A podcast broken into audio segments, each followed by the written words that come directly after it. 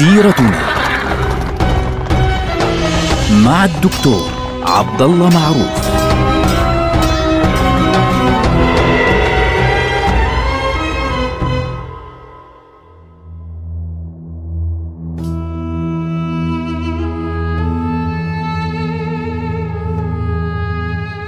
السلام عليكم ورحمة الله وبركاته. سيرتنا سيرة رسول الله صلى الله عليه وسلم التي تتبعها سيرة الأمة كلها. نحن الآن في الفترة التي تلت بيعة العقبة الثانية التي أطلقت المجال للمسلمين ليهاجروا إلى يثرب المدينة الجديدة والعاصمة الجديدة للمسلمين التي ستصبح بعد ذلك العاصمة الأولى للمسلمين وأول دولة فعليا يقيمها رسول الله صلى الله عليه وسلم أول إمام لهذه الأمة وإمام الناس جميعا. بعد أن بايع أهل المدينة رسول الله صلى الله عليه وسلم على الهجرة وبدأت الفكرة خلاص قد اختمرت. أمر النبي صلى الله عليه وسلم أصحابه فعليا بالهجرة.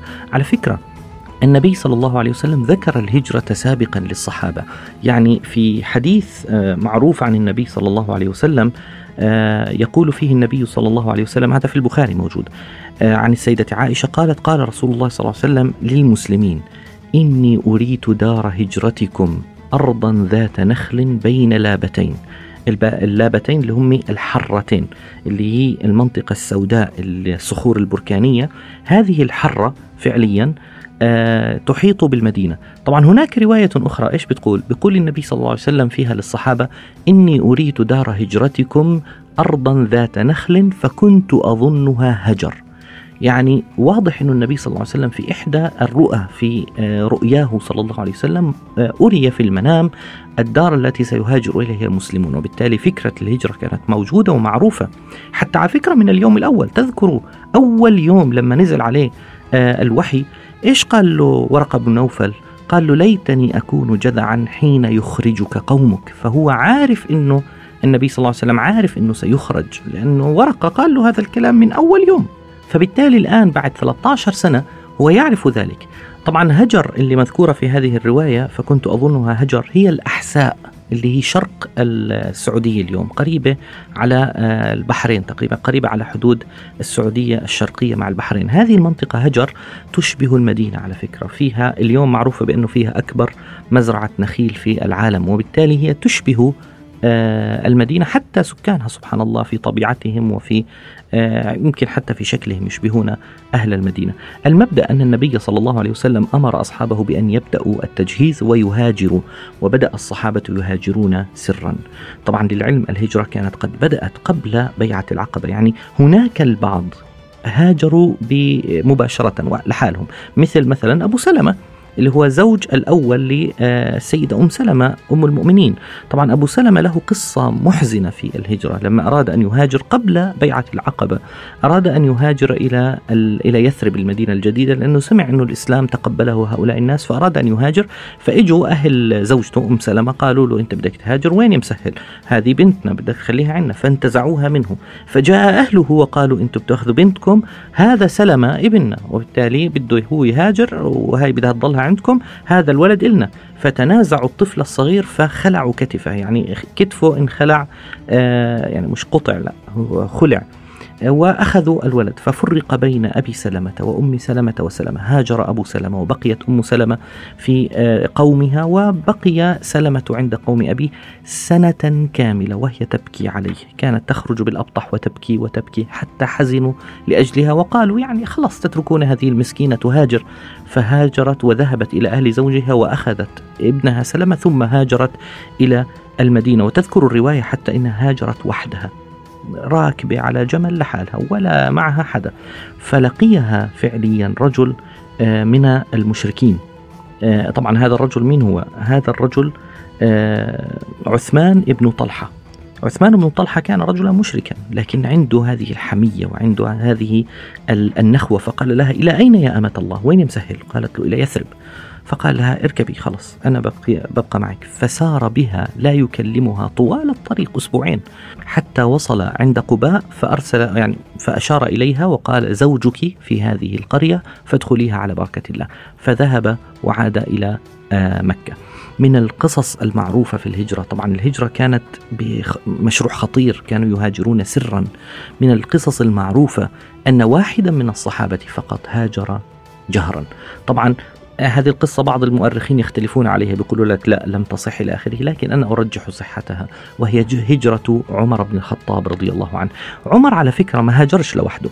لما إجا يهاجر تواعد مع رجلين من أصحاب النبي صلى الله عليه وسلم عياش بن أبي ربيعة اللي هو أخو آه، أبو جهل عمرو بن هشام طبعا لكن من أمه وهشام ابن العاص بن وائل.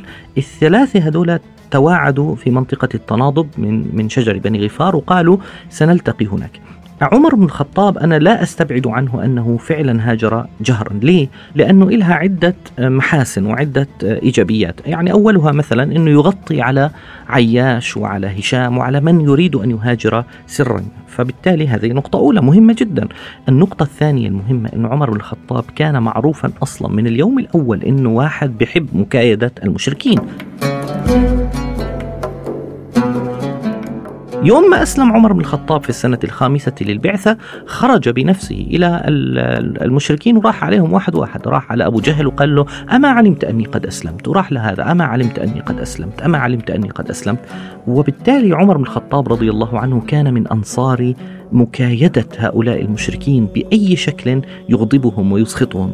فتقول الرواية إنه ركب ناقته ثم جاء وأناخها عند الكعبة وحمل قوسه وحملها السيف وحملها العصا وكل أغراضه جاهزة ثم صلى بين الناس وسلم يمينا ويسارا والناس مجتمعون ينظرون إليه عليه ثياب السفر ويجهز نفسه للسفر.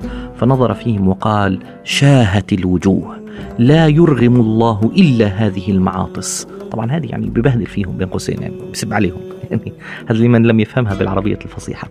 فقال لهم اعلموا أني مهاجر فمن أراد أن تثكله أمه أو ييتم ولده أو يرمل امرأته فليلحق بي خلف هذا الوعد. فما حدا تجرأ أبدا أن يلحق بعمر بن الخطاب رضي الله عنه وكان هذا يعني نقطة مهمة جدا في هجرته آه، رضي الله عنه. طبعا هاجر الثلاثة ومعهم مجموعة من الناس التقوا بالطريق ولما وصلوا إلى المدينة أبو جهل شق عليه الأمر فذهب إلى المدينة وحاول أن يستدرج عياش أخوه من أمه فاستدرجه وأخذه أعاده إلى مكة المكرمة وبقي محبوسا حتى تمكن أن آه، من الإفلات بعد ذلك. قريش انتبهت أنه المسلمين قاعدين يعني يقل أعدادهم تقل أعدادهم آه، في في مكة المكرمة وبالتالي فهموا أن المسلمين يهاجرون إلى يثرب، يعني هم فاهمين إن هناك آه، فعلا قصة وهناك شيء كبير حدث في يثرب وهناك تغيير، فعرفوا أن الأمر إن لم يتم تداركه فإن رسول الله صلى الله عليه وسلم شخصيا سيهاجر. وهذا الأمر بالنسبة لقريش كانت كارثة. يعني هذه إن حدثت ستكون بالنسبة لقريش كارثة. ليه؟ لأنه النبي صلى الله عليه وسلم إن خرج من بين أيديهم إلى آه، المدينة اللي هي كان اسمها يثرب إذا خرج من بين أيديهم سيصبح دولة وإذا أصبح دولة سيصبحون هم في خطر وستصبح تجارتهم إلى الشام. هاي النقطة المهمة في خطر لأنه لازم تمر تجارتهم من ناحية الشمال. فتخيلوا لما يلقوا في طريقهم عدوا لدودا. يعني في طريق بعد أن عذبوا المسلمين طوال ثلاثة عشر عاما. يعني هذا العمل الشنيع الذي قاموا به ومواجهة هذه الدعوة طوال هذه السنوات. فبالتالي ما راح يتوقعوا أن المسلمين راح يفرشون لهم الأرض ورد وياسمين ويقولون لهم يلا الله معكم. فبالتالي تجمعت قريش على فكرة خطيرة جدا وهي منع من استطاعوا من المسلمين من الهجرة.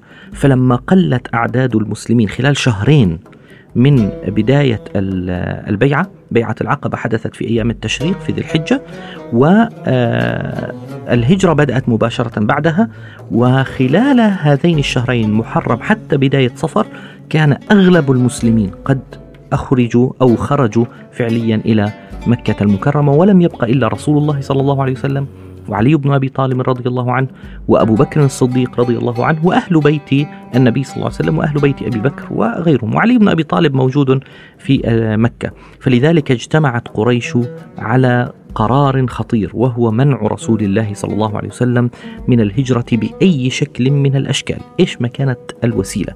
ولهذا السبب دعت قريش إلى اجتماع خطير في دار الندوة ليجتمعوا ويقرروا ماذا سيفعلون برسول الله صلى الله عليه وسلم وكيف سيمنعون النبي صلى الله عليه وسلم من الهجرة. طبعا قبلها بفترة بسيطة كان أبو بكر الصديق رضي الله عنه يفكر بالهجرة يعني فبالتالي ذهب إلى رسول الله صلى الله عليه وسلم وقال له يا رسول الله أنا أريد أن أستأذنك. فالنبي صلى الله عليه وسلم قال له رويدك يا أبا بكر لعل الله أن يجعل لك صاحبا. أبو بكر الصديق يا جماعة شوفوا علاقة هذا الرجل مع النبي صلى الله عليه وسلم. بيفهمها على الطاير مش محتاج حتى إنه النبي صلى الله عليه وسلم يحكي له أنا المقصود. ففهم ما يريده رسول الله صلى الله عليه وسلم. وفعلا انتظر واشترى راحلتين وأعطاهما رجلا من المشركين حتى يعلفهما ويجهز نفسه لليوم العظيم الذي سيغير الدنيا كلها يوم الهجرة. نلقاكم على خير. والسلام عليكم ورحمة الله وبركاته.